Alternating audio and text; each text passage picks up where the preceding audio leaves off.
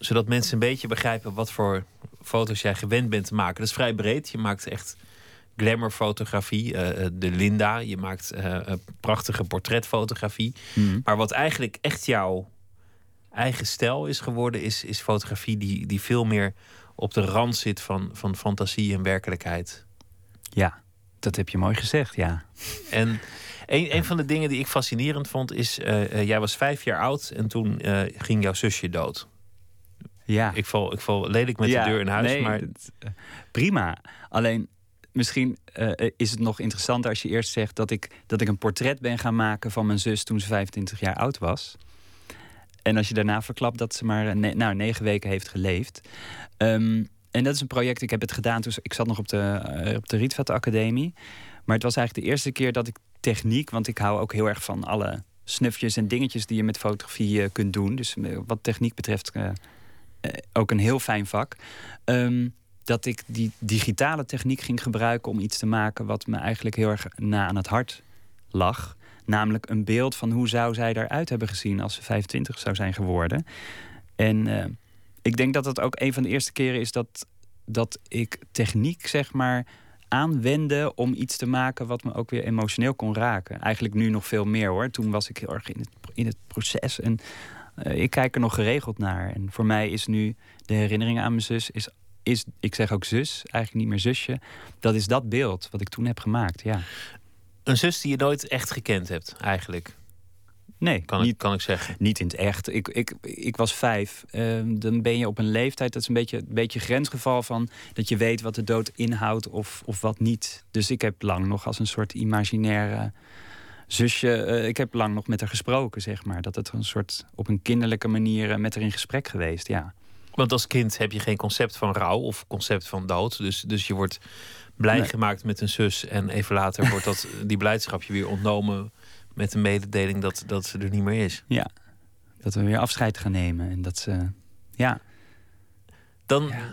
dan ben je dus jaren later een, een, portret gaan maken van haar als 25-jarige. Je kunt ja. alle technieken, je kunt de hele trucendoos open trekken, maar mm, mm.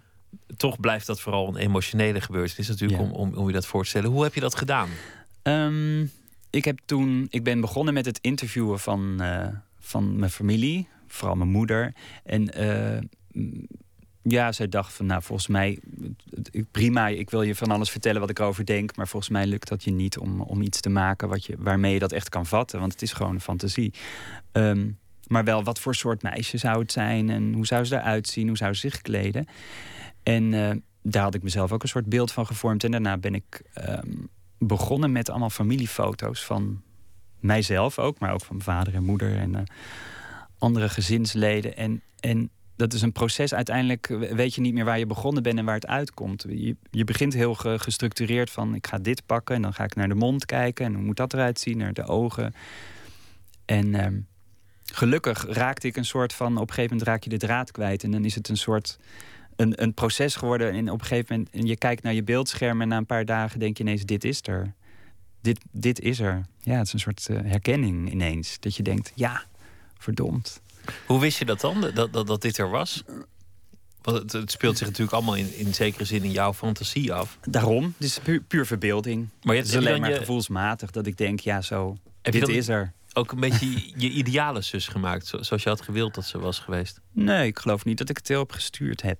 En uiteindelijk natuurlijk wel, want ik heb vanaf het moment dat je afscheid van iemand neemt en iemand leeft alleen nog in je, in je, in je gedachten en in je herinnering, um, begint dat proces van, ik weet niet hoe je het moet noemen, maar uh, je, je, creëert zelf je creëert zelf het beeld, heel letterlijk, van, van hoe je naar die persoon nog wil kijken misschien, of hoe je eraan terug wil denken. En eigenlijk is de essentie van wat ik ook nu nog steeds doe, van ja.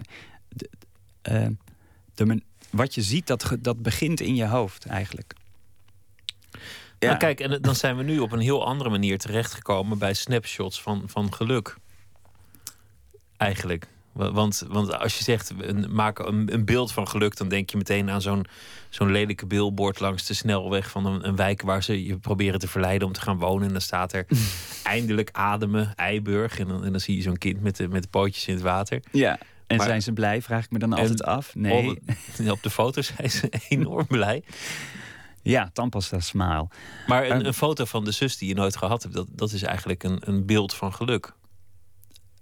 Ehm, het betekent geluk voor mij. Maar dat is wel interessant wat je zegt. Ik ben heel erg een onderscheid al gaan maken toen ik over het onderwerp na ging denken. Geluk van.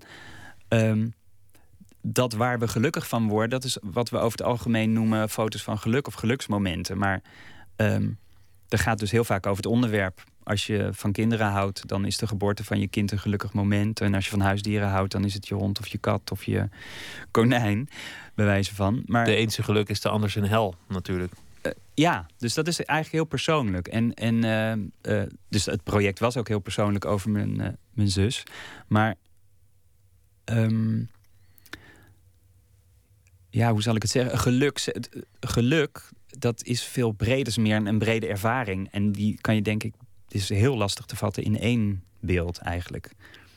Geluk kan dus ook in verdriet zitten. Dat, dat, is, uh, dat is misschien het wrangen. Omdat ik, dat vind ik mooi aan, het, aan de gedachte dat je een beeld maakt van een, een zus die er al lang niet meer is. Hmm. Dat het in een heel verdrietige geschiedenis jij een, een beeld maakt van geluk. Ja, ja het, voor mij heeft het nooit zo. Uh, het verdriet heeft er nooit zo aan vastgekleefd hoor. Maar, um... Want je was vijf, dus ja.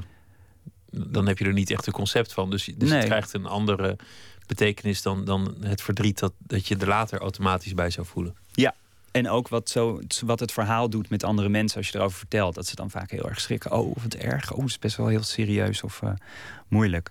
Maar wat je, wat je zegt over het algemeen. Uh, natuurlijk is geluk krijgt verdieping door het cliché van zonder pieken of zonder dalen geen pieken of zonder verdriet geen gelukservaring. Maar dat geloof ik ook wel.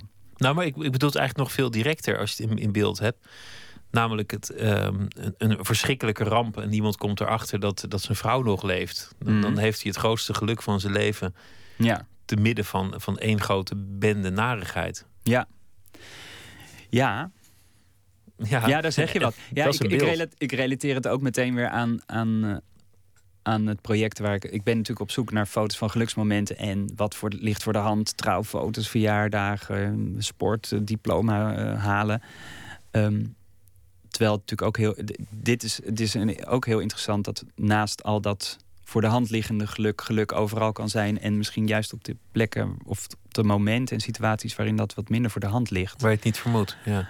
Ja. Ja, en wat er, ja, wat er dan gebeurt, dan vat je het in één beeld.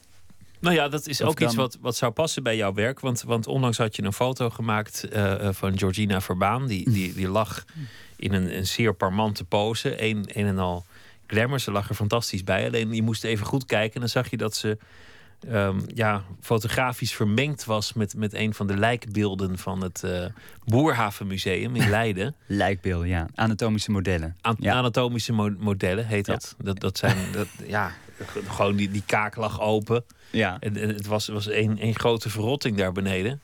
Ja. Ineens was het een soort, dat een soort verleiding. Ja. En, en tegelijk dat je denkt, mm, nou, dus dat is niet echt... Uh, ja. nou ja, dat is niet echt om te kussen, zeg maar. Nee. Nee, ja, een beeld waar ook heel letterlijk inderdaad het aantrekken en afstoten uh, uh, in, in vervat ligt. En dat was ook de essentie van wat die tentoonstelling is. Mensen willen het en heel graag zien. En ze vinden het ook een beetje gruwelijk. Dus ze willen, ze willen heel graag uh, dichterbij bekijken en er van alles van weten. En tegelijkertijd is het ook afstotend. Dus ja, dat is voor de tentoonstelling was dat het perfecte beeld om dat daarin te vatten. Ja. Wat ook heel erg past bij dat Boerhavenmuseum, waar ze, waar ze uh, embryo's op sterk water hebben en, en um, Siamese tweelingen van allerhande diersoorten. Allemaal afstotelijke beelden waar je je ogen niet van af kunt houden, eigenlijk. Ja. Maar Absoluut, en, in, in jouw werk is, is fantasie een heel groot iets, omdat jij Ehm, nou ja, de, de, fotografische trucendoos gewoon, gewoon hanteert, ongegeneerd. Het, het mhm. hoeft niet. Dat was een tijd zo'n puristische stroming in de fotografie dat het allemaal echt moest zijn. Dat, dat hoeft niet. maar, ehm. maar je zei net ook al, het komt uiteindelijk allemaal uit mijn fantasie. Ja, de oorsprong van de beelden ligt, ligt van binnen en niet in de buitenwereld. Ik denk dat dat het uh, heel goed samenvat. En wat, dat is eigenlijk ook de essentie van het verschil tussen mijn soort werk en documentaire werk of journalistiek werk. Alwel, en ja, ik heb, die, ik heb die twee werelden altijd heel erg uh, als gescheiden ervaren hoor. De uh, documentaire fotografie en ik noem het steeds fotografie van de verbeelding, waarin we als kunstenaar en fotograaf helemaal vrij zijn om het uh, beeld zo te maken als dat wij zelf wensen. Maar de laatste tijd vraag ik me ook steeds meer af: van, liggen, ze, liggen ze wel zo ver uit elkaar? En het langzaam, laatste jaar, begint mijn interesse voor documentaire fotografie ook te groeien. En ik heb het altijd links laten liggen. En ik heb ook nooit. Nou, links laten liggen is een groot woord, maar ik heb nooit zelf de behoefte gevoeld om daar iets mee te doen. En die wordt eigenlijk nu steeds groter, moet ik zeggen. Maar ik, ik weet niet hoe. Dit wordt interessant. En, en wat ik dan ook nog niet genoemd heb, is dat je, dat je oorspronkelijk uh, psychologie hebt gestudeerd, sociale psychologie. Dus als het gaat over geluk, dan, dan ja, ben je eigenlijk uh, daar al voor getraind om daar iets over te, te zeggen. Wetenschappelijk uh, kundig. Ik, ik heb me bezig gehouden met stereotypering. En dat is natuurlijk een soort dat is een proces in je hoofd om, om zaken heel erg te versimpelen, waardoor je grip krijgt op de wereld. En een foto is in, eigenlijk hetzelfde. En uh, het, is, het wordt een versimpeling. Ja, je laat dingen weg en je uh, zorgt dat de aandacht op bepaalde zaken in dat beeld vallen, waardoor je je verhaal duidelijk kan vertellen. Dus ehm, in die zin denk ik ook wel een beetje in, in stereotype. Of is een, een foto probeert toch de essentie van iets vast te pakken en vaak gebruik dan allerlei clichés om dat voor elkaar te krijgen. Althans, dat, dat is wat er in mijn werk gebeurt, merk ik. Ja. En als wetens, ik ben als wetenschapper opgeleid, dus je, je bent al onderzoeker. Ik vind het ook vaak veel leuker om vragen te stellen en experimentjes te doen dan om een antwoord te geven met mijn foto's. Ja, een zo'n mooie vraag uit de sociaal psychologie zou natuurlijk zijn: wat is eigenlijk geluk? Geluk. Wat is geluk? Uh, zal ik wij hebben het er net al even over gehad, maar in, in essentie, uh, of geluk is eigenlijk. Um, laatst voor me, hoe, um, de ervaring dat alles wat er in je leven gebeurt, je persoonlijke ervaring, dat die ingebed zijn in een zinvol geheel. Dat was het, ja. Dat vond ik, ik las het geloof ik ergens en dat vond ik een hele mooie verwoording van, van geluk eigenlijk. Dat het is ingebed in een zinvol geheel. Terwijl... Dat, dat je persoonlijke ervaring. Dus dat, dat kan verdriet zijn. En ik denk zelfs, en het hele palet aan menselijke ervaring wat we, nou ja, wat we hebben in ons leven. En dat juist dat samen, als je het gevoel hebt dat dat ergens dat dat zinvol is. Uh, en wat voor zin, dat laat ik dan nog in het midden. Maar ik, ik herken me daarin. Ja. Als ik me niet gelukkig voel, dan is dat omdat ik niet het idee heb dat het nergens over gaat. En dat kan zowel zijn als ik me eh, verdrietig voel, maar ook als ik denk, ja, het, geeft me wel plezier of genot, maar waar gaat dit heen? Dan, uh, dan voel ik me ook niet zo gelukkig. Als ik er te lang over nadenk, denk ik dat het leven totaal zinloos is eigenlijk. Uh, ja, dus niet doen, niet doen. Nee, niet, niet, uh, niet doen dan maar. Van een dichter des vaderlands wordt, wordt ook verwacht dat hij een mening heeft over de stand van de poëzie in Nederland. En, mm. en dat zal dus voor de fotograaf des vaderlands ook gelden dat hij uh, zich ook misschien een mening over de functie van fotografie moet, moet uh, permitteren. Um, is dat zo? Ja, ik zei, ja, vraag, ik, het is een vraag eigenlijk. De, ja, nou, heb, je, ik, heb je een commentarierende functie? Uh, ik, ik zie het zelf. Ik zie het zelf niet als commentarierend, omdat ik. Uh, ik hoop in ieder geval dat ik prikkel, dat ik mensen door wat ik zeg of door wat er door mijn functie weer onder de aandacht komt, uh, dat mensen daardoor weer bewuster na gaan denken over oh, wat is dit eigenlijk? En vind ik het mooi, vind ik het niet mooi? Of hoe werkt dit en wat vind ik daarvan? Omdat het nogal. Uh, het medium is nogal bepalend in hoe we de wereld ervaren. We ervaren het veel meer, zeg maar, bijna tweedehands door, door videobeelden en, door fotografie. Um, dus hoe meer je daarvan weet, hoe meer je denk ik zelf een beetje schepper kunt worden van de wereld om je heen en hoe je die ervaart. Ja, want wij, wij leven in een, in een visuele cultuur. Mm Zeer. Misschien nog iets meer tegenwoordig uh, bewegend beeld. Film, filmpjes, uh, video, televisie. Ja. Dan, dan fotografie. Maar zelfs dat. Ik denk dat uiteindelijk een beeld veel meer zegt dan, dan woorden of, of taal. Ja. Ook, ook ja, in de actualiteit bijvoorbeeld. Um, dan, dan, dan zie je het beeld van Saddam Hussein die naar beneden wordt gehaald. En dat, dat wint natuurlijk van alle andere berichten die ja. dag. Zo'n beeld. Ja, dat is alles. Maar hoe zou je willen dat mensen kijken? Mm, uh, onderzoekend ook. Mhm. Ehm, ja, hoe mensen kijken. Het is, het is prettig als, um, als je weet wat fotografie uh, kan doen of doet. En uh, als, als fotograaf, ook als je misschien fotografie gaat studeren of er iets mee gaat doen, dan, dan het eerste wat je leert is: oh ja, je kiest een moment uit en niet het, dus halve seconde daarvoor of daarna. En je maakt je kader. Dat, is, dat zijn eigenlijk uh, technieken die ook uh, een journalistiek fotograaf natuurlijk tot zijn beschikking heeft. En dat bepaalt al zo hoe, ja, wat, wat de blik op de wereld is die je daarna misschien weer gaat delen doordat je het voor een krant werkt of. Wat is het moment dat je afdrukt en, en uh, wat komt erop en wat komt er niet op? Ja, dat bepaalt al helemaal het verhaal dat je, dat je vertelt. En het kan heel klein zijn, kan heel groot zijn. Ja, het kan alles zijn. Maar zijn, ja, maar... zijn mensen zich daar niet, niet genoeg bewust van, denk je? Als, als ze Mm. naar, naar het beeld kijken. Denk ik. Ehm, nou, niet genoeg. Het, het kan bewuster, geloof ik. En uh, uh, soms vergeet je dat als je zelf, omdat je als fotograaf ben je daar op een gegeven moment zo van doordrongen dat je dat niet meer zo. Um... ik, laat ik een voorbeeld geven. Een aantal jaar geleden was in de tijd dat Sunny Bergman had die documentaire gemaakt over uh, wat is het, schoonheid of ideaalbeelden. En ik was in die tijd gevraagd om een, een portretje te maken van het schrijversduo Lisa Sambeek. En uh, die hadden Zadelpijn geschreven. En ik dacht, ik ga ze, ze. Ik kon ze niet tegelijkertijd fotograferen. Dus het zou, het zou al gefotoshopt worden, want ze moesten naast elkaar staan. En uh, ik, ik denk, laten we, laten we het even uh, overdrijven allemaal. En ze, ze hadden een prachtig slank middel en een heerlijke volle cup. En een, naar mijn idee ook veel te groot hoofd. Dat je denkt, nou, iedereen ziet dat dit een, een karikatuur is. Of, nou, karikatuur niet, maar in ieder geval dat het ver weg van de werkelijkheid staat. En. Um, tot mijn verbazing had, uh, uh, was er ondergeschreven. was echt heel duidelijk ook meteen bijgezet van dit is wel gefotoshopt, mensen, dat we het allemaal weten. En dat verbaasde mij. Maar daarna uh, ontdekte ik dat ik dus wel een beetje naïef was geweest dat iedereen dat ook zo ziet. Of, ja, maar dat, dat, dat is eigenlijk een heel mooi voorbeeld, omdat um, in, in sommige landen is het extremer dan hier zelfs nog. De bladen die, die photoshoppen, dus die maken al die vrouwen nog perfecter dan ze al zijn. En yep.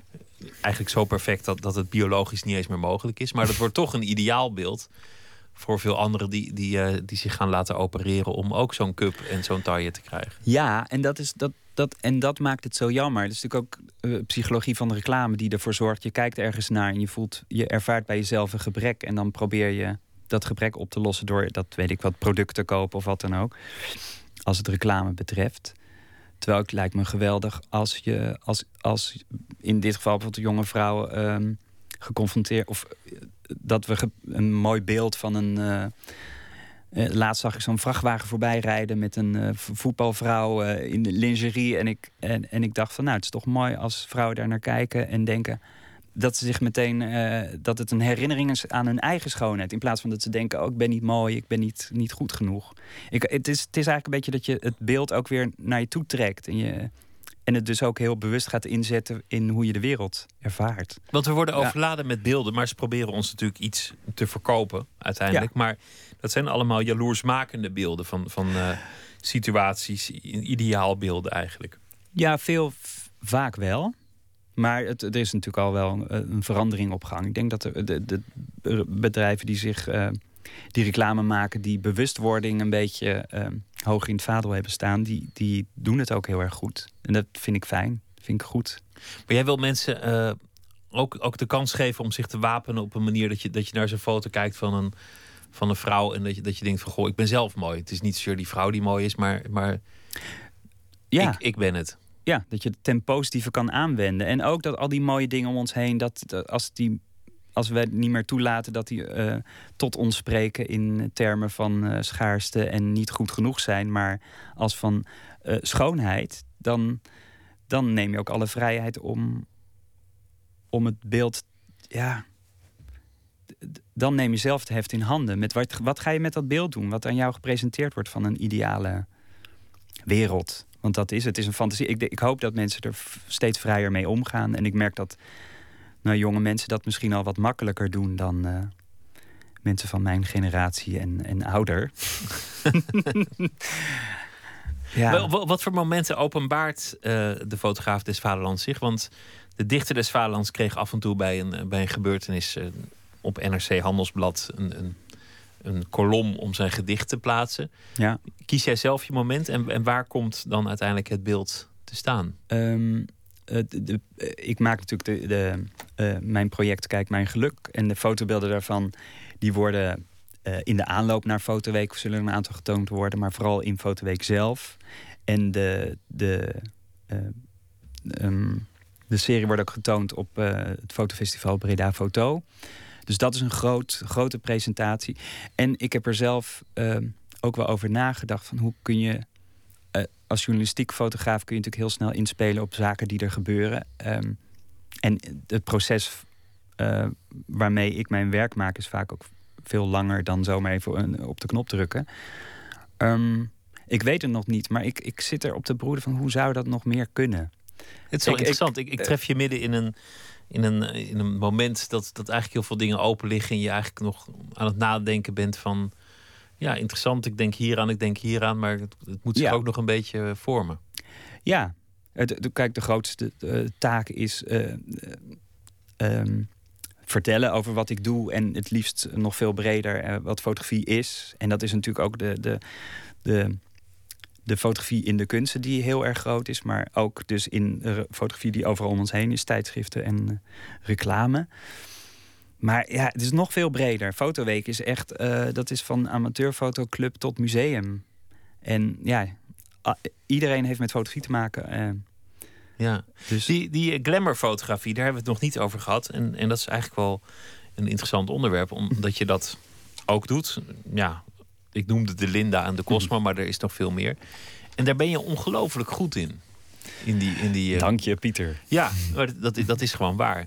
Wie zijn daarin eigenlijk jouw helden? En wat maakt een, een, de ene glamourfoto zo overpletterend mooi en de ander niet zo ontzettend mooi? Mm, glamour. En wat is eigenlijk glamour? Glamour, ja, ik een beetje. Um... Iedereen kent het dat je een, dat je een foto ziet zo, van zo'n advertentie of van mm. zo'n blad, ja, zo'n zo'n glossy. Ja. Eén grote wereld van wilde en verleiding. En soms is er daar in een beeld dat helemaal werkt, dat, dat gewoon dat je denkt, ja, wat een glamour. Hmm. Ik, je vroeg naar helden. Ik geloof niet dat ik. Uh, um, dat, er nu, dat ik fan ben van mensen die nu. Ja, ik weet, er is zoveel. Ik, ik ben zelf veel geïnspireerd door oude fotografie. En de, de, er zijn wel de, de, de klassiekers die voor de Vogue werkten van uh, tot de jaren 50. Dat, is, dat inspireert me wel, omdat dat zijn soort van. Ja. Het heeft een soort klassieke elegantie. En uh, zie ik in die oudere beelden. En uh, een goed beeld. Uiteindelijk is het natuurlijk heel mooi en esthetisch dat je, dat je de, de prachtige kleding mooi ligt. Maar de, de essentie van een foto die ik uiteindelijk uitkies, heeft vaak ook weer een soort iconische kwaliteit. En daarmee is het eigenlijk al, refereert het dus blijkbaar al aan een soort beeldtaal die we blijkbaar met z'n allen al hebben opgeslagen in ons achterhoofd. Zoals, dus, zoals de, de folk van vroeger met, met Marilyn Monroe en dat soort uh, iconische plaatjes die, die iedereen eigenlijk wel ergens als citaat is tegengekomen ooit. Ja, ik denk dat een, een belangrijk deel van, de, van die beeldtaal eigenlijk toen al gevormd is. Door de pioniers die ergens voor het eerst mee begonnen. En nu, ja. Gebruik je wel eens een citaat? Um, ik denk dat ik constant citaten gebruik. Maar of ik nou heel. Uh, ik kan zo snel nu niet iets bedenken van. Oh ja, daar refereer ik. Ik, ik denk dat ik het constant doe. En dat we als fotografen dat bijna allemaal constant doen. Het komt weinig voor dat je iets, uh, iets totaal nieuws verzint. Het bouwt altijd op elkaar voort, denk ik. En hoe ben je bezig eigenlijk? Uh, oh nee, we zijn, we zijn al praktisch door de tijd en Ik dacht, je moet ook gaan nadenken over je eigen beeld als, als fotograaf des vaderlands. Hoe mensen jou gaan zien. Dat, dat, dat moet je gaan vormgeven nu. Ja, nou, uh, toen ik de term, uh, of, of de term, ik bedoel, uh, fotograaf des vaderlands, toen me werd gevraagd, dacht ik meteen aan zo'n polygoonjournaal mannetje. en dat, omdat ik, ik heb een project gedaan met Spaarne Stad Fotoarchief, waarin ik mezelf veelvuldig als jaren 50 personage heb gepresenteerd. Um, ja. Nou ja, als, daar, als iemand die uh, hopelijk vragen stelt en mensen prikkelt om erover na te denken en ja, inspireert met het beeld. Dankjewel. Koenhauser, leuk je te gast te hebben. Heel veel succes met het project.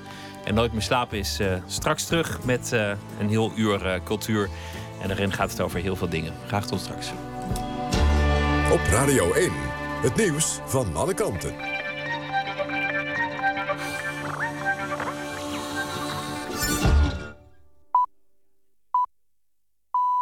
1 uur, Femke Wolthuis met het NOS-journaal. De Italiaanse regering verlaagt voor zeker 10 miljoen mensen de belastingen. Daarmee wil premier Matteo Renzi voldoen aan zijn verkiezingsbelofte van twee maanden geleden.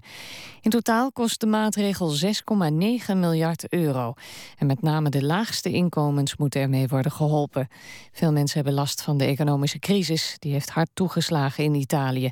Zo is de jeugdwerkloosheid opgelopen tot boven de 40 procent. De kapitein van het schip dat voor de kust van Zuid-Korea is gezonken is opgepakt. Hij wordt er onder meer van verdacht dat hij het zinkende schip vroegtijdig heeft verlaten. En verder wordt hij verdacht van nalatigheid en het veroorzaken van lichamelijk letsel. En ook zou hij geen hulp hebben gezocht bij andere schepen. Een oud-docent en voetballeider uit Overijssel is veroordeeld voor ontucht met een jongen van rond de 15 en ook voor het bezit van kinderporno.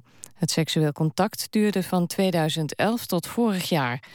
De 64-jarige man uit Wierden moet 10 maanden de cel in en hij moet een schadevergoeding betalen van 5000 euro. De interimregering van Oekraïne heeft beloofd een aantal eisen van de pro-Russische demonstranten in te willigen. Kiev hoopt dat dat bijdraagt aan de nationale eenheid. Premier Yatsenyuk zei op de televisie dat hij de grondwet wil wijzigen en dat er meer macht naar de afzonderlijke regio's gaat. Het bestuur in het oosten van het land wordt gedecentraliseerd. In Halen in Limburg is een automobilist omgekomen na een aanrijding met een trein. De automobilist verloor de macht over het stuur. De 59-jarige man uit Halen is waarschijnlijk onwel geworden. De auto reed door het hek langs het spoor en kwam op de rails terecht. Door de aanrijding rijden tussen Weert en Roermond geen treinen. Het weer vannacht wordt het rond de 4 graden. Morgen is er veel zon in het noorden. In het zuiden is er wat meer bewolking. En in Zeeland en Brabant is er mogelijk een bui. En het wordt zo'n 16 graden. Tot zover het nieuws. Verkeersinformatie. Op de A325 Arnhem richting Nijmegen... daar staat 3 kilometer file tussen Elden en knooppunt Ressen. Dit was het NOS Journaal. Radio 1. VPRO. Slapen.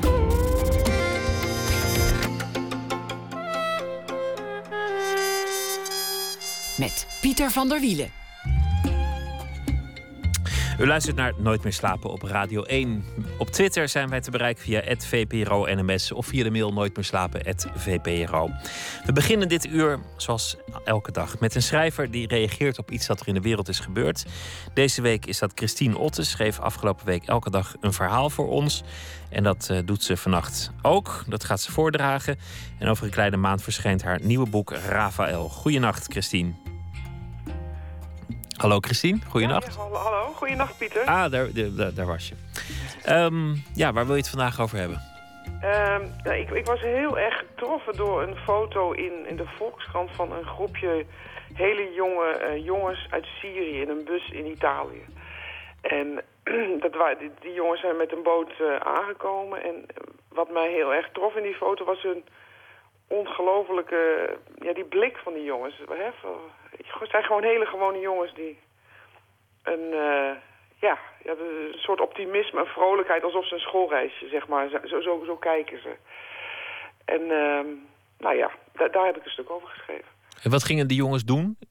Die jongens die kwamen uit Syrië, dus die, hebben, die komen niet uh, voor een schoolreisje naar Italië. Die hebben die, die overtocht helemaal gemaakt. Nou, en uh, ja, die worden naar een kamp gevoerd. En het bericht Vluchtelingen waren het kortom. Ja, ja. jongeren uh, ja, spoorloos verdwijnen omdat ze, ze mogen niet opgesloten worden. En dat, dus ze reizen door, maar het gevaar is dat ze dan in, ja, in de criminaliteit of in de prostitutie terechtkomen. Ik ben benieuwd naar je verhaal. Oké. Okay. Um, ehm, met opgetrokken knieën leunde Ismaël tegen de rand van de houten boot en deinde mee op de golven. Meegeven, dacht hij. Niet verzetten. Het was nacht. Alsof er een web van ragfijne, ijskoude druppeltjes zeewater om hem heen was gespannen. Zelfs de lucht smaakte zout. Ze waren met een man of twintig. Hij en Aziz waren de jongste. Het enige wat ze bij zich hadden waren de kleren aan hun lijf. In een steeg bij het strand hadden mannen met machettes hun jassen en geld gejat. Aziz hing naast hem. Hij zag groen van ellende. Ismail porde in zijn zij. Zie het voor je? Wij twee in zo'n Dolce Gabbana pak van AC Milan? We gaan het maken, man, riep hij door het geraas van de wind en de zee heen. Denk je? Aziz tilde, zijn hoofd op. Tuurlijk, de engelen waken over ons. Hij hoorde het zichzelf zeggen, die net iets te enthousiaste toon. Hij wilde niet dat zijn vriend de moed opgaf. De golven duwden de boten meter of wat de lucht in. En meteen daarop was het alsof ze omlaag werden gezogen, de diepte in. Alsof ze door de handen van een reus door elkaar werden geschud, voor straf. Te denken dat je sterker bent dan de elementen, dan God. Vergeef me, Allah. Wat is je droom, Aziz? schreeuwde hij. Hij voelde zijn voeten niet meer, kon zijn kaken amper stilhouden. Hij keek omhoog. Een weefsel van licht was om de aarde gespannen, alsof hij de hemel zag ademen. Wat is je droom? Aziz reageerde niet. Zeewater plensde in zijn gezicht, droop uit zijn krullen over zijn wangen, alsof hij huilde. In een flits zag Ismaël zijn moeder in hun huis in Aleppo. Mashallah, dacht hij. Als ik deze tocht overleef, zweer ik dat ik voortaan altijd fatsoenlijk afscheid neem. Al dus het, uh, het verhaal van vandaag. Ja. Ja. Wil, wil je er nog iets over zeggen trouwens? Nou, nou, nee, nou. Ja, ik, ja. ik vind het wel indrukwekkend om je te verplaatsen in, in zo'n tocht. Om, je, om dat je voor te stellen. Ik, hè, dat, uh, dat je altijd maar... Je ziet altijd, je hoort, hè, dan zie je die bootjes, die mensen komen aan. Maar om je dan ook echt proberen voor te stellen hoe dat dan is. Dat je weet dat je gewoon kan verzuipen. En uh, ja, dat vind ik gewoon... Vind, ja, dat zijn dan gewoon die jongens. Dat vind ik gewoon indrukwekkend. Dat is ook uh, indrukwekkend natuurlijk. Je hebt uh, deze week elke dag een verhaal geschreven voor ons. Dank je wel. Is het, is het mee of tegengevallen om elke dag iets nou, te fabriceren? Nou, ik vond het heel zwaar, maar ik vond het ook echt heel erg leuk. Want ehm, ja, het is heel spannend, want je weet als je wakker wordt nog niet wat je gaat doen. En dat het, als, dat het dan lukt, dat vind ik echt een kick. En ja, ja, het is ook heel leuk, want je bent heel alert en ja. En je kijkt ook anders naar het, uh, naar het nieuws? Absoluut, ja. Je kijkt anders, maar, maar je bent ook heel vrij. Dus het is ook niet een beklemming of zo. Dus, het is, het is, het is, maar het is zwaar, want je wilt toch dat het mooi wordt. dus je, strijdt, je gaat niet zitten en een half uur later is het er, zeg maar. Dat, dat ook weer niet. Maar uh, nee, nee, nee. Dat is, dat is precies wat ik tot nu toe van alle schrijvers hoor. Dat het leuk en zwaar is. Dank dat je het wilde doen. Um, en over een kleine maand verschijnt je nieuwe boek, Rafael. En tegen die tijd kom je ook te gast in dit programma om uh, daarover te vertellen. Ja. Voor, voor, nu wens ik je een hele goede nacht, Christine ja, Dank je wel. Jij ook bedankt. Hè? Goeienacht. Dag. Dag. Uit Antwerpen komt de band Sita Swoon, opgericht door Stef Camille Carlens. Hij zat vroeger in Deus, maar Deus-leider Tom Barman was meer van de rock en de pop en Carlens meer van de blues. Dus hun wegen zijn gescheiden. Daar was Sita Swoon. Het nummer dat wij draaien heet Pretty Girl.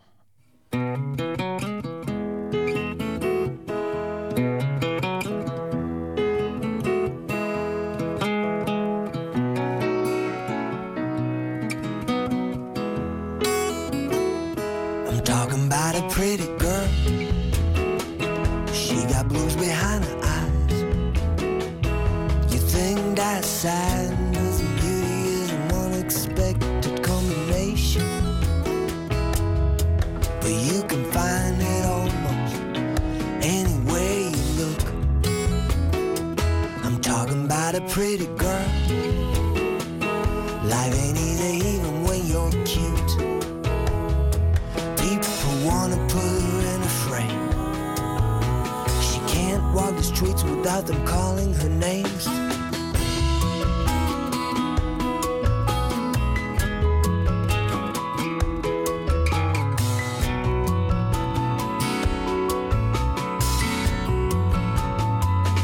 Thing about a pretty girl, she carries something people crave. She's like a promise someone broke. She's like a room you're not allowed to go. She moves like everybody wanna move.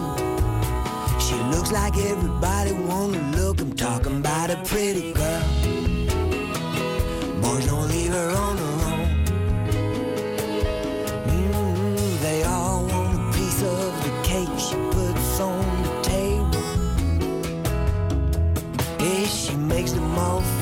Like they should do more than they are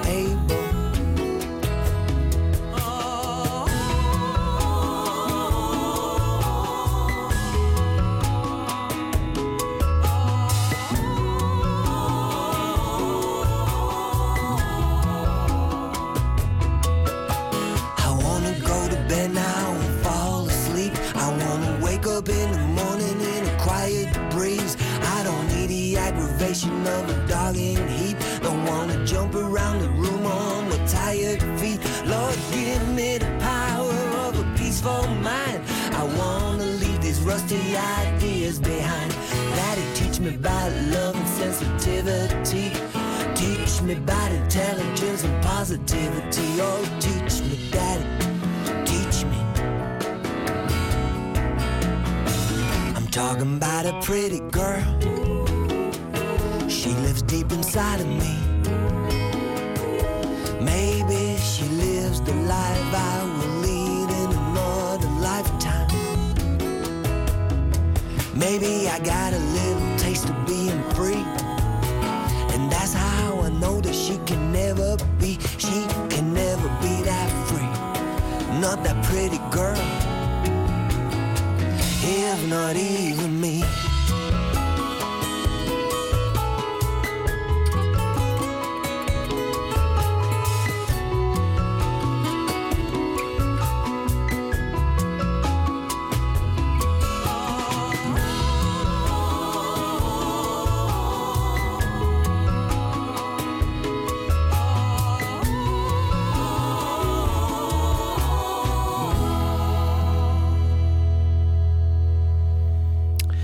Pretty Girl van de Vlaamse band Sita Swoon van het album Big City uit 2007.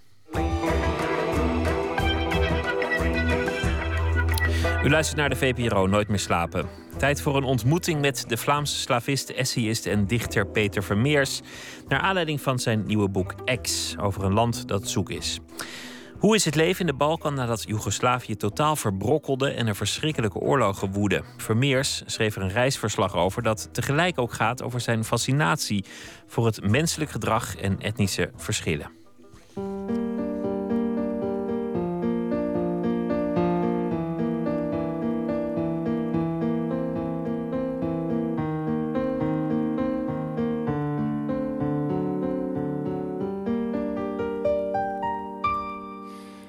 Bronnen van een obsessie blijven het liefst duister.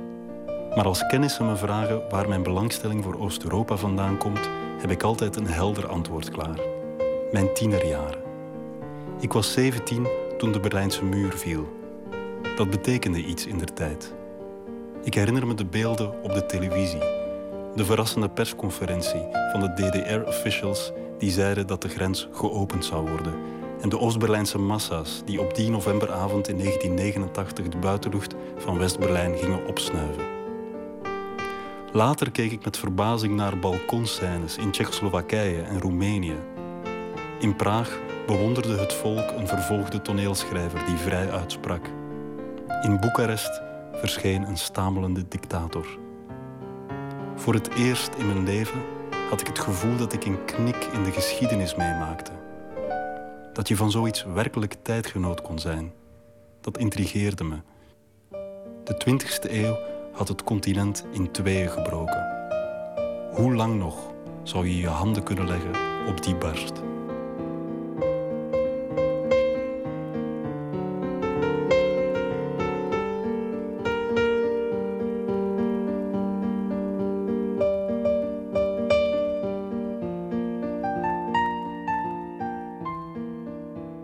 Dit is een fragment, Peter Vermeers, uit je boek.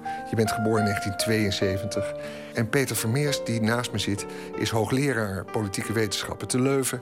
Is schrijver van enerzijds academische artikelen van een proefschrift, maar ook van essays en ook van poëzie. Bundel gemaakt met David van Rijbroek bijvoorbeeld. Ontzettend leuk dat die combinatie er is. En nu is er een boek en dat gaat over ex-Joegoslavië.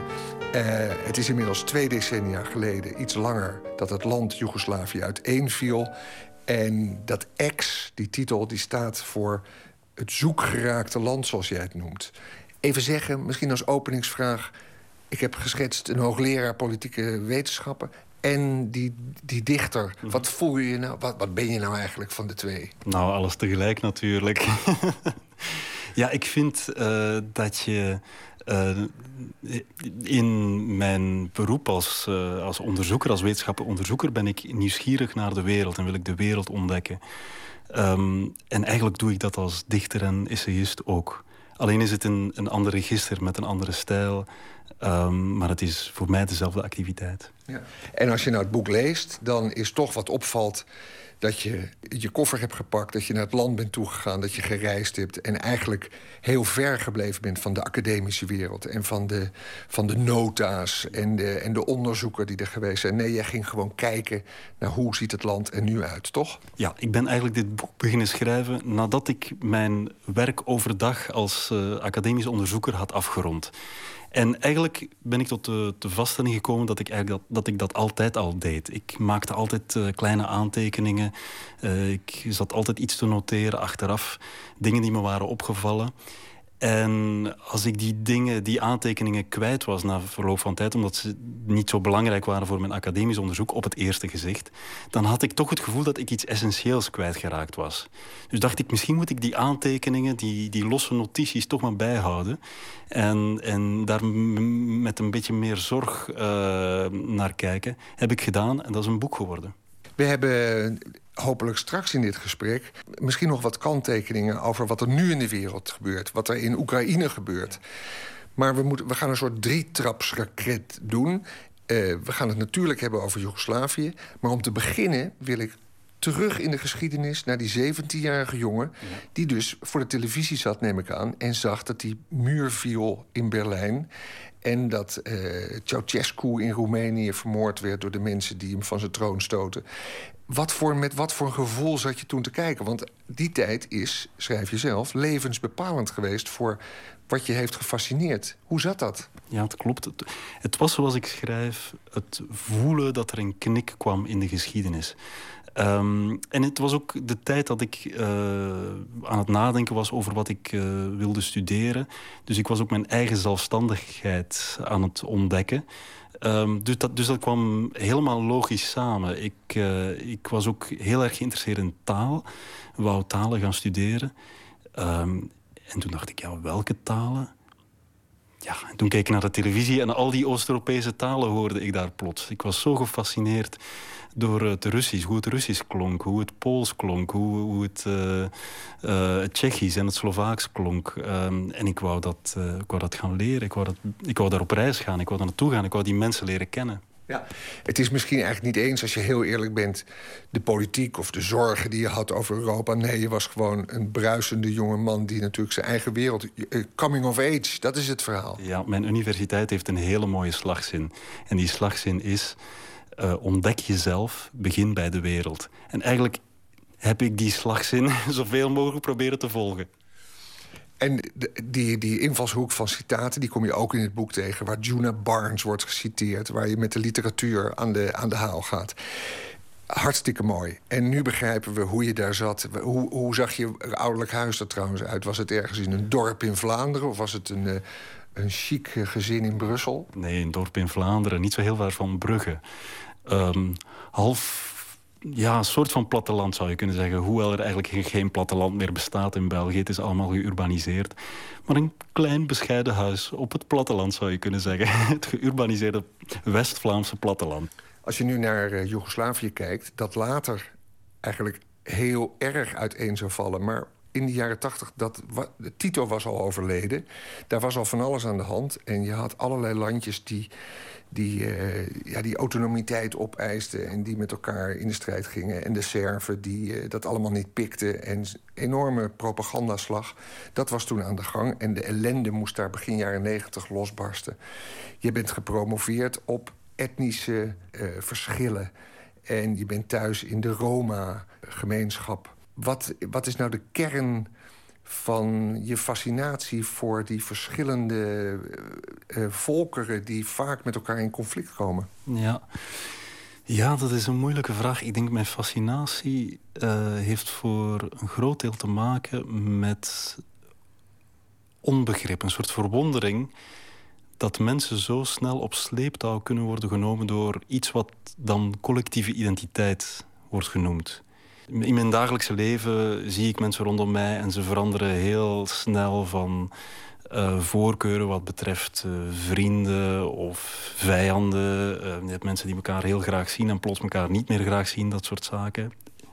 Hoe ze omgaan met hun ex in hun privéleven bijvoorbeeld. Dus daar zit heel veel variatie in. Ehm, tegelijkertijd fascinerend dat op het moment dat uh, een soort van politieke context zo dominant wordt, dat de collectieve identiteit naar de voorgrond wordt geschoven, dan worden die persoonlijke voorkeuren of uh, vijandschappen gedegradeerd. En schijnt het collectief alles te moeten overnemen. Schijnt dat collectief primordiaal te zijn. Schijnt dat uh, ja, belangrijker te zijn dan eender wat. Ik vind dat vreemd. Um, het heeft iets te maken wellicht met uh, sociale psychologie, dergelijke processen, hoe die werken, met de mensen als kuddedier misschien zelfs, wie weet. Um, maar hoe, dit, hoe zich dat vertaalt naar het politieke niveau, hoe politieke leiders daarmee omgaan, hoe ze daar verstandig mee omgaan, maar hoe ze dat soms ook heel erg uitbuiten voor hun eigen persoonlijk gewin, dat zijn zaken die mij heel erg fascineren en die ik ook heel belangrijk vind. Uh, voor Europa vandaag, waarin we terecht, de situatie waarin we terecht zijn gekomen, de democratie vandaag. Want het is denk ik de zwakke plek van, uh, van, van democratieën eh, in Europa en ook elders ter wereld. De manier waarop collectieve identiteit kan worden uitgebuit. En dit is nu eigenlijk wel weer een heel academisch verhaal. Ja. Maar dat was ook eigenlijk een vraag naar die academische achtergrond. Nu heb je Joegoslavië bezocht. En noem nou eens een, een, een, verhaal dat je als de verslaggever daar bent tegengekomen... waarvan je dacht, ja, dit is belangrijk om op te schrijven... want dat illustreert dit zo goed. Um, ja, het dagelijkse leven natuurlijk in ex-Jugoslavië is nogal spectaculair. Dus alle voorbeelden die ik daarover zou kunnen vertellen... die hebben altijd iets, um, iets spectaculairs over zich... omdat ze vaak verbonden zijn met de oorlog, met de herinnering aan de oorlog. Maar één voorbeeldje met betrekking tot etniciteit. Ik vertel in het boek het verhaal van een... Uh, nu is het een jonge man, maar hij was een jongetje... ten tijde van de oorlog in, in Bosnië. Um, niet ver van de stad Tuzla. Um, en tijdens de oorlog, het is een heel lang verhaal... maar ik maak het nu even heel kort... is een hele familie uitgeboord. Hij heeft als uh, tienjarige jongen heeft hij, uh, de oorlog overleefd... maar was de enige van zijn familie. En dus ook de enige eigenlijk de enige... Alle personen die hij kende ter wereld waren dood op dat moment. Hij was echt alleen op de wereld. Um, nu zou je zeggen, ja, uh, hij moet dan waarschijnlijk wel uh, een moslim geweest zijn... en uh, aangevallen geweest zijn, of zijn familie moet aangevallen geweest zijn... door de, de Servische paramilitairen. Gek genoeg komt hij dus uit een Roma-familie die ogenschijnlijk eigenlijk niks met het conflict te maken hadden. Het ging niet over de Roma, het ging, niet, het ging over moslims, Serviërs, Kroaten misschien. Maar het op, ja, die hadden daar eigenlijk niks meer mee te maken toont aan dat wanneer die dynamiek van de oorlog eenmaal op gang is, wanneer de bal aan het rollen is gegaan, dat iedereen slachtoffer kan worden en dat die collectieve identiteit of die groep waar je dan zogenaamd uh, deel van uitmaakt niet meer zo belangrijk is. Iedereen is slachtoffer. Die groepslijnen die worden uitgetekend in het verhaal dat we vertellen over de oorlog zijn tamelijk abstract. Wanneer het eenmaal gaat over de realiteit, uh, merk je dat je kunt worden opgezogen in een oorlogssituatie, zelfs al ben je niet uh, behoor je niet tot een bepaalde target group, zeg maar. Ja. Nu de actualiteit. Laten we ons verplaatsen. En dan ben ik benieuwd of jij precies weet uh, op welk fragment ik doel naar een kroeg in Belgrado. Weet je dan waar ik het over heb, denk te hebben? Um, een kroeg in Belgrado. Ik, ik, kom wel in een paar kroegen in Belgrado, dus dan moet je, moet je me toch even... Bladzijde 167. Ik zat bijvoorbeeld eens met een vriend te praten ah, in een ja. kroeg in Belgrado. Ja, ja, ja. Een, een kroeg uitgebaat door een Spanjaard.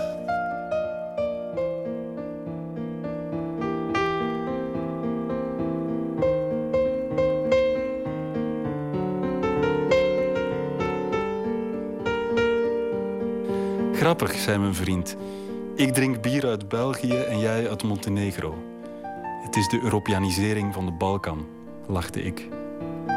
Of misschien de Balkanisering van Europa, reageerde hij serieus. Hij begon over de landen van de Europese Unie, die volgens hem de laatste jaren veel kwalen uit de ex-Jugoslavische landen leken te hebben overgenomen. Kortzichtige politici, economisch wanbeleid, nationalisme. Nog geen vijf minuten later hadden we het over zijn liefdesleven. dat ook gebalkaniseerd was geraakt, concludeerde hij. Dertien jaar was hij samen geweest met zijn vrouw, maar op den duur was de liefde op geweest. En het had hun beter geleken een punt achter het huwelijk te zetten. Wanneer je na zoveel jaar scheidt, moet je niet alleen als koppel een nieuw leven beginnen, je moet ook alle gezamenlijke geschiedenis afsluiten. En die geschiedenis was zich ermee gaan bemoeien. Haar verschijningsvorm, vrienden, familie, collega's. Plotseling was er pijn geweest. Zijn ex had nog met hem contact willen houden en hij wilde haar nog zien. Maar ze hadden besloten dat het niet meer kon. Een nieuwe wereld kon niet ontstaan voordat de oude tot de grond toe was gesloopt.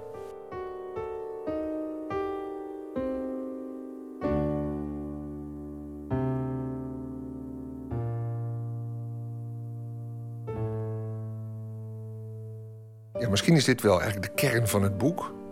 Dat je het verleden nodig hebt, nodig hebt om naar de toekomst te kijken en daar weer, daar weer eh, uit te komen op de een of andere manier. Ja, veel mensen in ex-Jugoslavië proberen een nieuw leven op te bouwen. En ze moeten daarbij iets heel vreemds doen. Namelijk, ze moeten doen alsof het verleden niet meer bestaat, niet meer belangrijk is. Ze moeten dat proberen achter zich te laten. Tegelijkertijd moeten ze er ook aan herinnerd worden. Ze kunnen het niet helemaal loslaten, omdat er zoveel trauma's nog uit het verleden uh, zijn overgebleven. Omdat ze misschien nog familieleden missen. Omdat ze misschien zelf een letsel hebben opgelopen. Uh, dat hen elke dag nog aan, die, aan dat verleden herinnert. Dus er is een rare mengeling tussen willen onthouden en willen vergeten aanwezig. Maar ze willen wel vooruit. Dat is zoals iedereen in Europa vooruit wil, maar het is heel moeilijk. In het fragment waar je het net over hebt, over die scheiding en over de ex.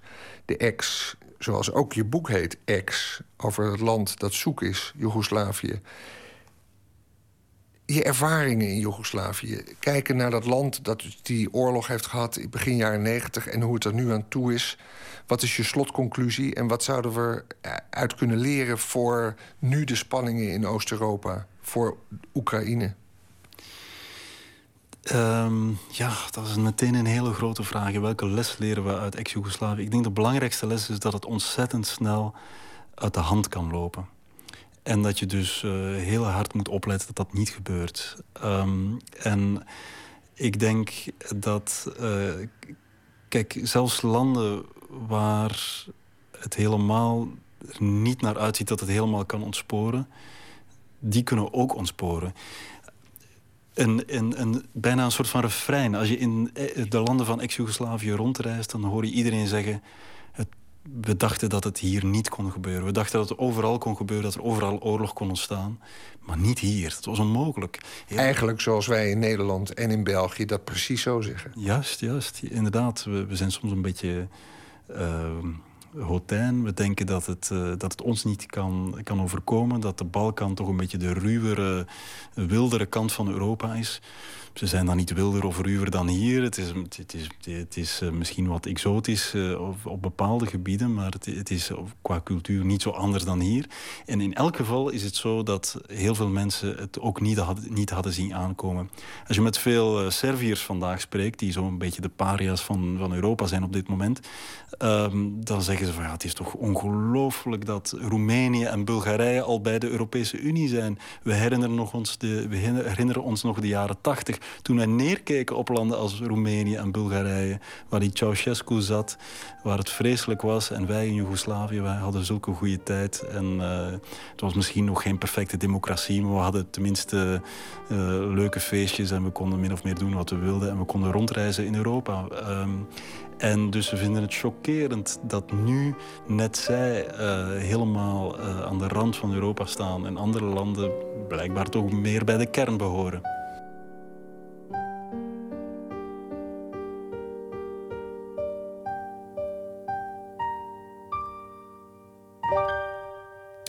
Het boek van Peter Vermeers heet dus Ex over een land dat zoek is. Deze week verschenen een bijdrage van Anton de Goede. Ze komen uit Canada, ze zijn met z'n vijven. Ze klinken als eh, nou ja, Johnny Cash, Nick Cave en de Tindersticks samen. Perfecte muziek voor in de nacht, kortom. Het liedje heet Beat the Drum Slowly van hun nieuwste album Hot Dreams. Hier is Timber Timber.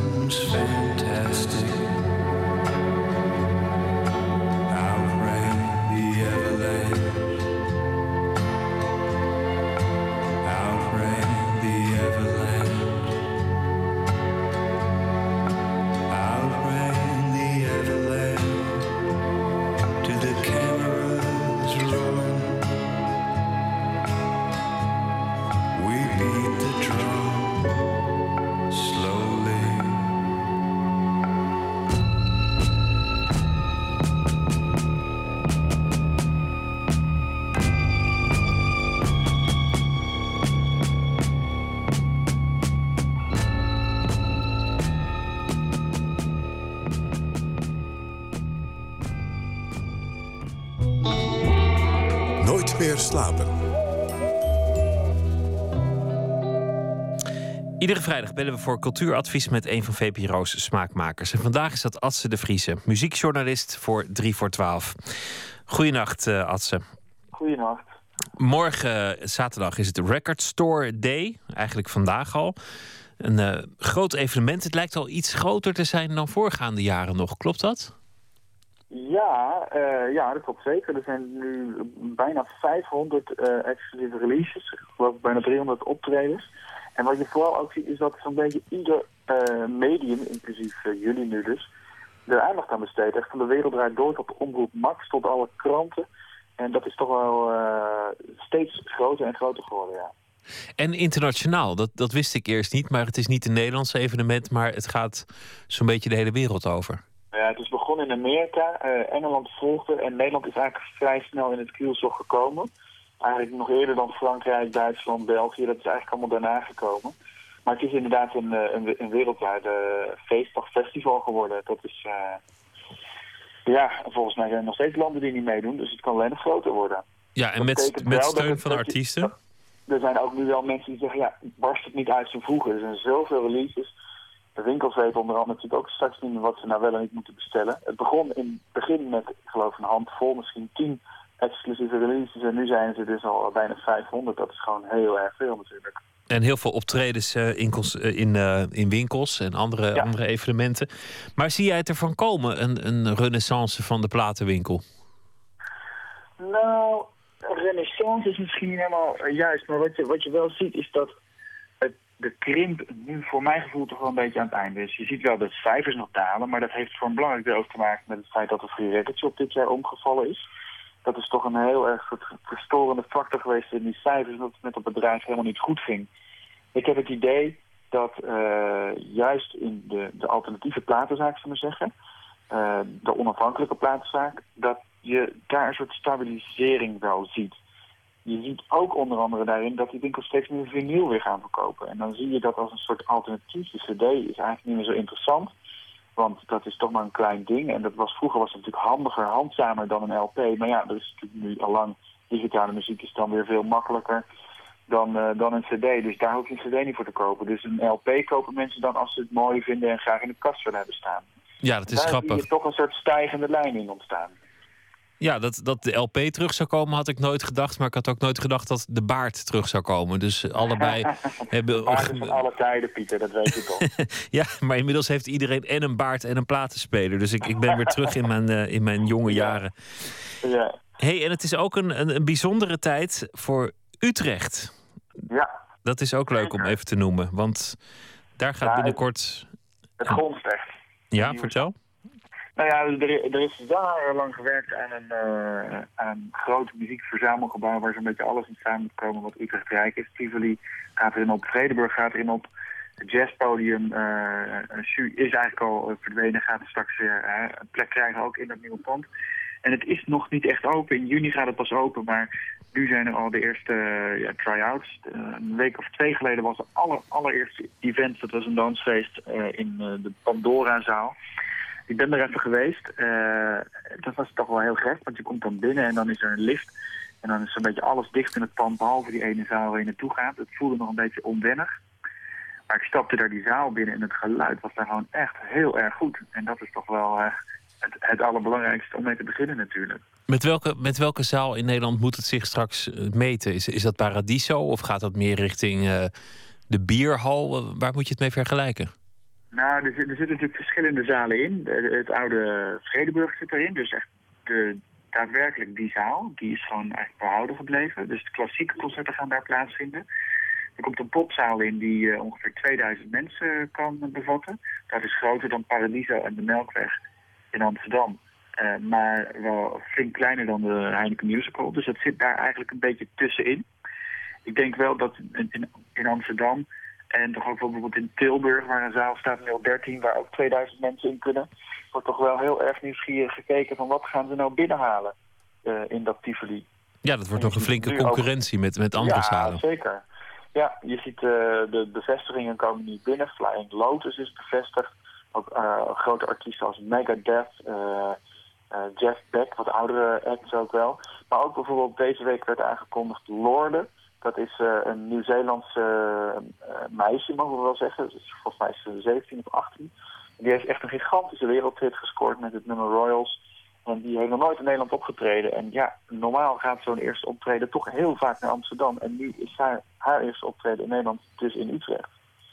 Leuke tijden voor Utrecht. Behalve dat ehm Kiteman, toch, toch een eh, icoon van, van de stad Utrecht, zijn, eh, zijn Kitopia ziet verdwijnen. Wat, wat is daar aan de hand? Ja, dat is dan wel een beetje terug, aangezien diezelfde Kiteman straks eh, de allerlaatste vijf optredens in Tivoli mag gaan doen. In het oude Tivoli, dus aan de Oude Gracht. Ehm, dat is echt een soort groot slotakkoord. En eh, nou ja, Kiteman is ja, echt een fenomeen in Nederland. Hij heeft met toch wel hele eigenzinnige muziek echt heel erg veel publiek op de been gebracht. En hij heeft ook de afgelopen vijf jaar in een pand gezeten ja, aan de rand van het centrum in Utrecht. Dat was een leegstaande houtfabriek, was het, volgens mij. Ja, jonge nelen, hout zat daar vroeger in. Eh, dat, is allemaal, eh, dat stond allemaal leeg. Daar hebben ze veel in verbouwd. Daar wonen ze in, daar werken ze in, zitten studio's in eh, en alles. Nou ja, dat is wel een anti-kraakpand. Dat betekent dat ze nu te horen hebben gekregen dat er een bestemming is voor die locatie. Volgens mij gaat het gewoon echt plat, die hal waar ze in zitten. Ja, drie maanden de tijd hebben ze om dat, eh, om dat eh, te, te gaan verlaten. En dat is natuurlijk wel buitengewoon opvallend. Want hij is echt, nou dat zie je aan die vijf uitverkochte shows waarmee die Tivoli Oude Gracht gaat eh, afsluiten. Hij is echt een soort boegbeeld voor de stad, voor de, voor de cultuurstad Utrecht. En dat juist uitgerekend in de week dat, dat bijvoorbeeld echt de eerste popshow in het nieuwe Tivoli Vredenburg is, dat hij dus eigenlijk straks op straat komt te staan. Dat is toch wel eh, buitengewoon pijnlijk, vind ik. Maar goed, al met al goed nieuws voor de stad Utrecht. Een van de, de geboekte bands al in het nieuwe Tivoli Vredenburg eh, muziekcentrum te Utrecht. Dat is eh, Lord. En we gaan luisteren naar een nummer van het debuutalbum Pure Heroine. Dat de titel draagt Royals. Adse de Vriese, dankjewel. En een hele goede nacht. Yes, jullie uh, goede avond nog. Goeienacht. I've never seen a diamond in the flesh. I cut my teeth on wedding rings in the movies. And I'm not proud of my address. In a torn up town, no postcode envy. But every song's like gold teeth, gray goose dripping in the bathroom, bloodstains, ball gowns, trash in the hotel room. We don't care. We're driving Cadillacs in our dreams. But everybody's like crystal, Maybach, diamonds on your timepiece, jet planes, islands, tigers on a gold leash. We don't care. We aren't caught up in your love affair, and we'll never be royals. It's a run in our blood. That kind of luck's just ain't for us. We crave a different kind of buzz. Let me be your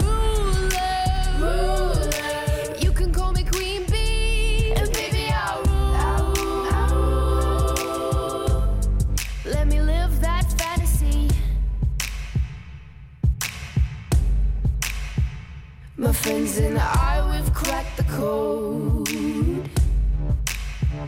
We count our dollars on the train to the party. And everyone who knows us knows that we're fine with this. We didn't come for money. But every song's like gold teeth, gray goose dripping in the bathroom, bloodstains, ball gowns, trash in the hotel room. We don't care. We're driving Cadillacs in our dreams. But everybody's like crystal, Maybach, diamonds on your timepiece, jet planes, islands, tigers on a gold leash. We don't care. We aren't caught up in your love affair, and we'll never be royals. It's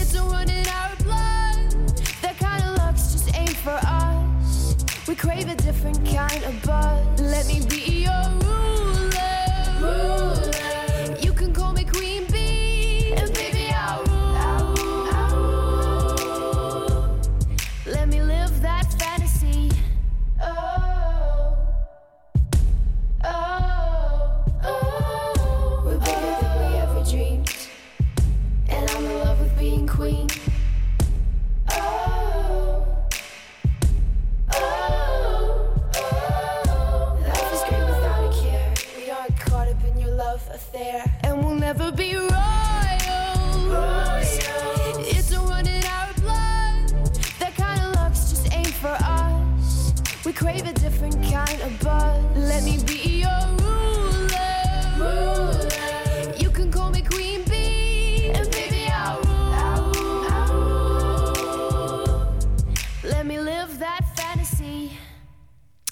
Royals, de grote hit van Lorde. 26 mei dus te zien in Tivoli Vredenburg in Utrecht.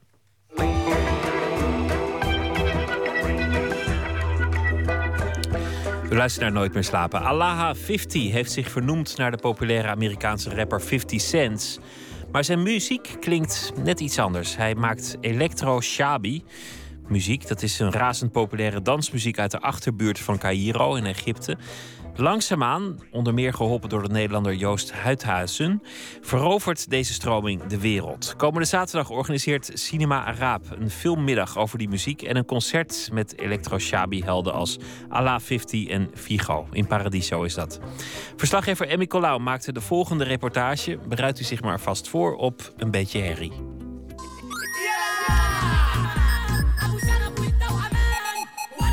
Het klonk opgefokt, het klonk raar, het klonk als gekke elektronica die we hier in het Westen kunnen, maar ook als punkmuziek. Feest, als je, als je daar niet gewend bent, dan zou je zeggen eh, herrie. Soms lijkt het op hele goedkope eurohouse, het lijkt op alles wat wij haten in westerse muziek als welopgeleide mensen. Dus eh, heel veel autotune, dat hele afgrijzelijke geluid. Maar juist met een Arabische eh, stem erbij klinkt het opeens eh, geniaal. Shabi is volks. Shabi muziek is volksmuziek, letterlijk. Adel Salem is Egyptisch-Nederlander en richtte het Arabisch filmfestival Cinema Arab op. Hij organiseert in Paradiso een electro-shabi-avond... met een documentaire over de opkomst van die muziekstroming... en optredens van grote electro-shabi-helden Allah 50 en Figo. Eh, als, je, als je het hebt over de plek waar de muziek vandaan komt of eh, is, is gestart, is echt de underground. Is, is heel arm. En, en, eh, maar het is niet alleen typerend voor Egypte. In, in, eh, in Rio de Janeiro is ook precies hetzelfde. In Brazilië. In Indonesië heb je ook een vergelijkbare muziek. Ja, uitzichtloos. En muziek was voor hun iets waar ze enorm ehm, trots op kunnen zijn. eh, dat ze eh, niet serieus werden genomen. Dus als je het hebt over ja, hoe ziet het dagelijks leven eruit... zij, meestal gaan ze niet naar school of zijn ze schoolverlaters. En Sommige enkeling die, eh, die studeren nog. Dus we hebben het echt over... Eh, die zijn niet eens eh, dertig of zo.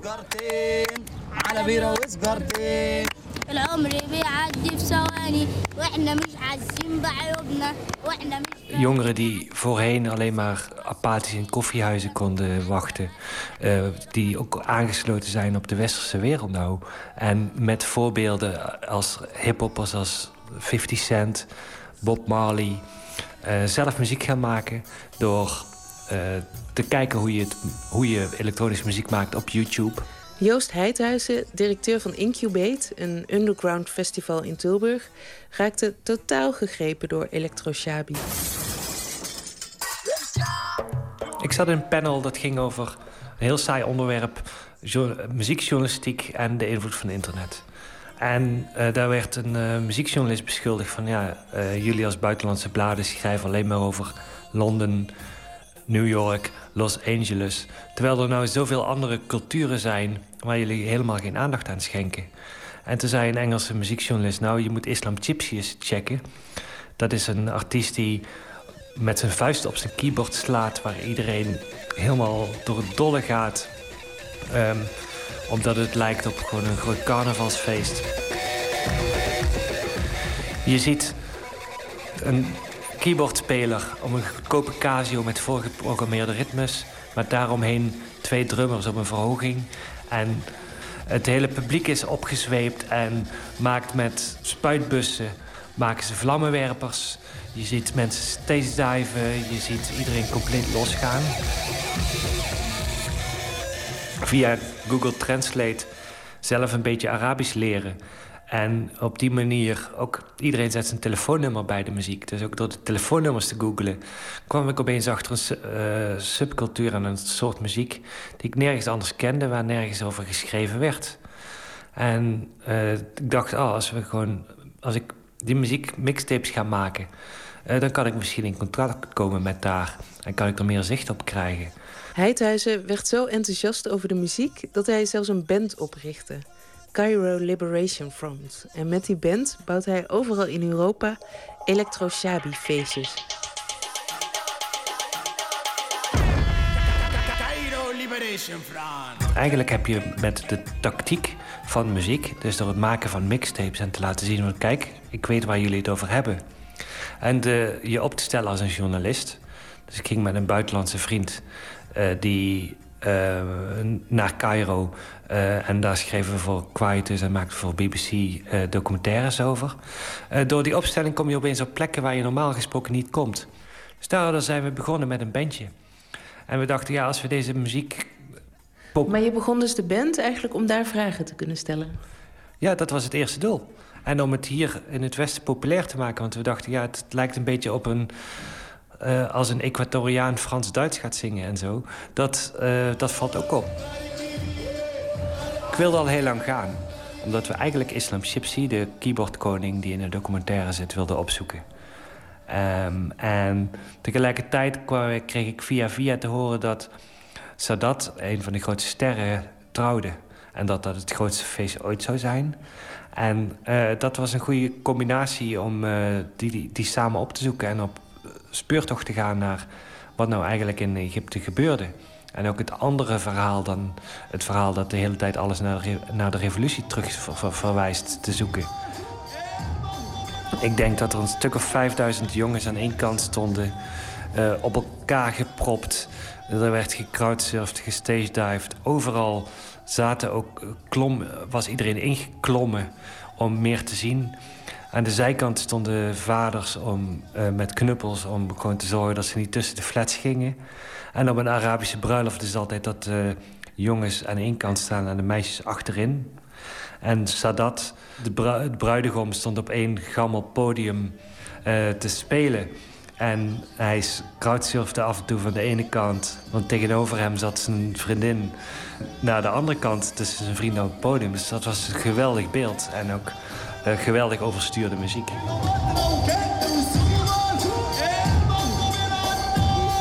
Vroeger was het traditionele bruiloftmuziek dat je een band huurt met een backdanseres en die gaan voor jou eh, de hele avond eh, zingen en muziek maken. En vandaag komen ze met z'n tweeën, met z'n drieën, dat zit. Vroeger als kind ging ik ook mee vaak en, naar, dat soort dingen met mijn ouders. Eh, als je uitgenodigd bent, of in de buurt, of aan vrienden, of aan familie. Eh, maar dan zit je gewoon te kijken en, en, en loop je af en toe. En, maar vandaag de dag, ik denk, die stoelen die worden niet eens besteld. Ze hebben een hele slimme strategie. Housers die gingen vroeger eh, de weilanden in om daar illegale raves te doen. Eh, punkers die kraakten panden. En de jeugd in Egypte heeft gewoon eigenlijk bruiloften overgenomen. En op die bruiloften, want dat is de enige plaats waar ze terecht konden... zijn ze met eh, goedkope apparatuur en hele grote vervormende boxen... hun eigen geluid gaan maken, omdat ze geen zin meer hadden in de platte Arabische popmuziek... die alleen maar gaat over Habibis en over God of eh, over de liefde van God.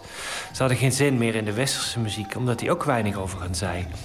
En elektroshabi is juist een uitdrukking van hun, hun liefde voor de, de plek waar ze zitten... voor de haat voor de plek waar ze zitten... voor een verwarring over de rol van vrouwen ehm, en eh, over druggebruik... Eh, al die dingen zitten er eh, gewoon in. Een bekend nummer is Fuck I've Lost My Slipper. En het nummer, ah, het woord aha, fuck, dat was voorheen verboden in de muziek. Eh, ze hebben een nummer, eh, eh, dat was een reactie op de slogans... wij willen eh, revolutie op het Tahrirplein. Daar hebben ze van gemaakt, eh, wij willen eh, 50 pond beltegoed.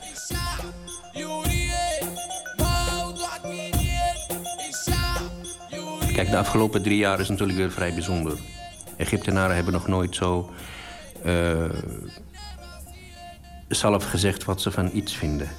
Eh, en juist door eh, kritiek op eh, de, de Muslim Brothers en Morsi, de afgezette president. eh, sommige van hun hadden zijn, een stukje van zijn tekst gebruikt in hun, in hun rap, in hun muziek. en dat, dat zal nooit bijvoorbeeld onder het tijdperk van Mubarak kunnen gebeuren. Maar nu dat er, ja, wat ik zeg, geen controle...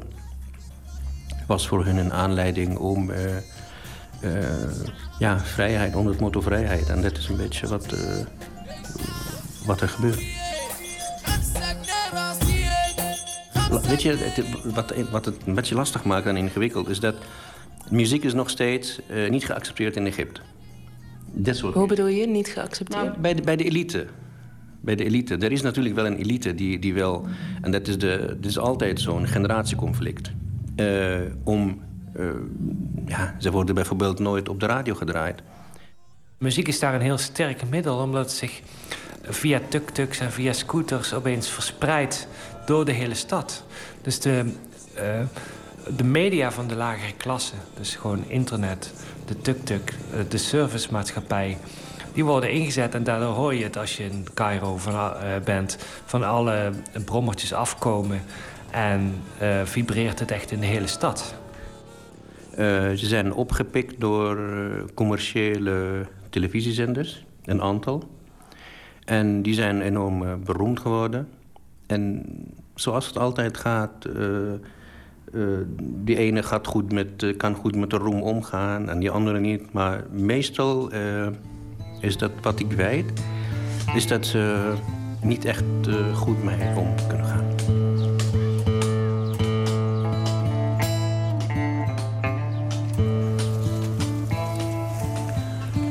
Ja, weet je, eh, in Egypte gaat het echt momenteel te snel gewoon. Eh, de, film is gemaakt eh, toen, denk ik, Morsi nog aan de macht zat. Een paar maanden later is Morsi weg.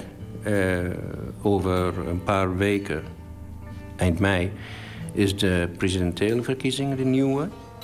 En uiteraard staat de uitslag vast. Maar ja, dat gaat gewoon te snel.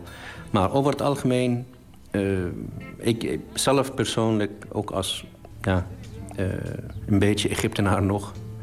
eh, ik was in het begin heel erg optimistisch.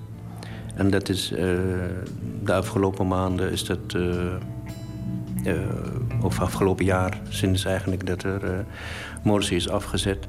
Niet zozeer als een, een... Ik ben nooit een aanhanger geweest van, eh, van, de, van de moslimbrothers of van die islamitische fundamentalisten. Maar de manier waarop dingen gaan is, is, eh, is niet, eh, is niet oké.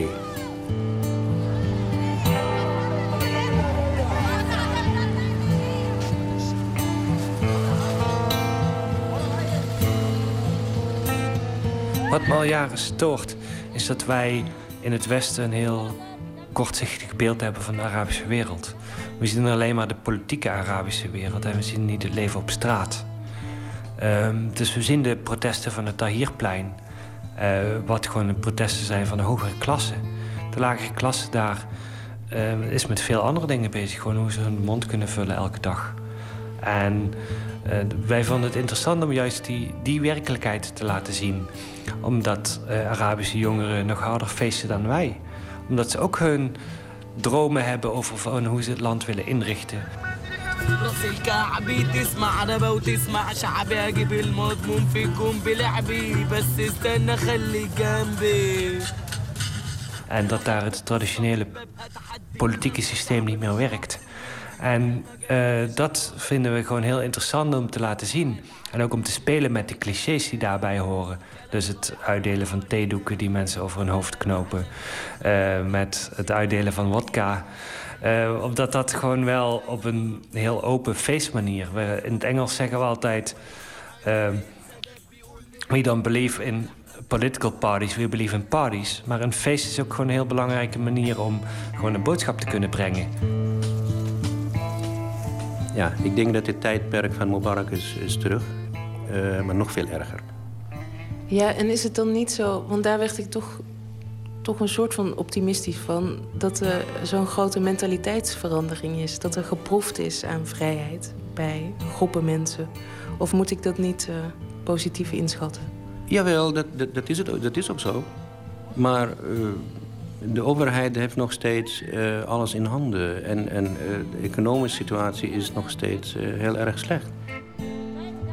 Ja, zij hebben gewoon verrotte speakers en willen het liefst gewoon als Tiesto of als eh Daft Punk klinken, maar ze kunnen het niet. Ik hoop dat die jongens juist door eh, eh, te gaan ontwikkelen en, en zichzelf ontwikkelen en de muziek ontwikkelen, dat ze als een, een, ja, dit is start. En dat je bijvoorbeeld met instrumenten gaat werken of mengt met instrumenten. Of eh, dat het altijd in, in leven blijft. Gewoon levendig.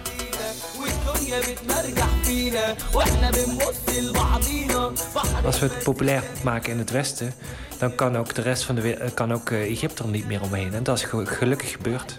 De diamant als je uit de berg komt, is ook een stukje steen.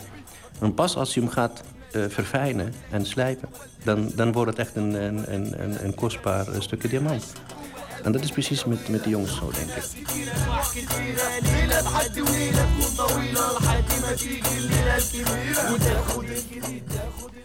U hoorde Joost Heidhuizen, directeur van Incubate en bandlid van Cairo Liberation Front.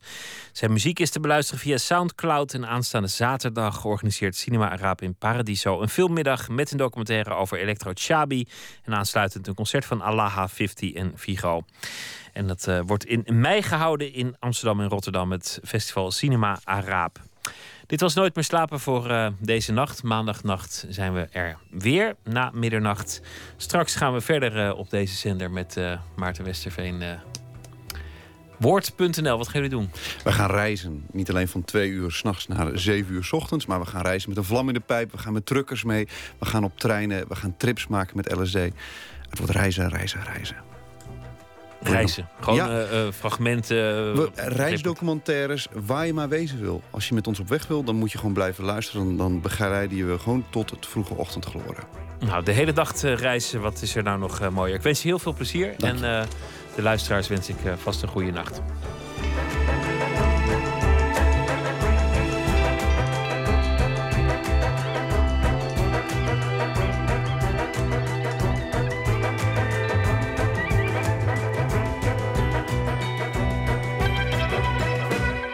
Op Radio 1, het nieuws van alle kanten.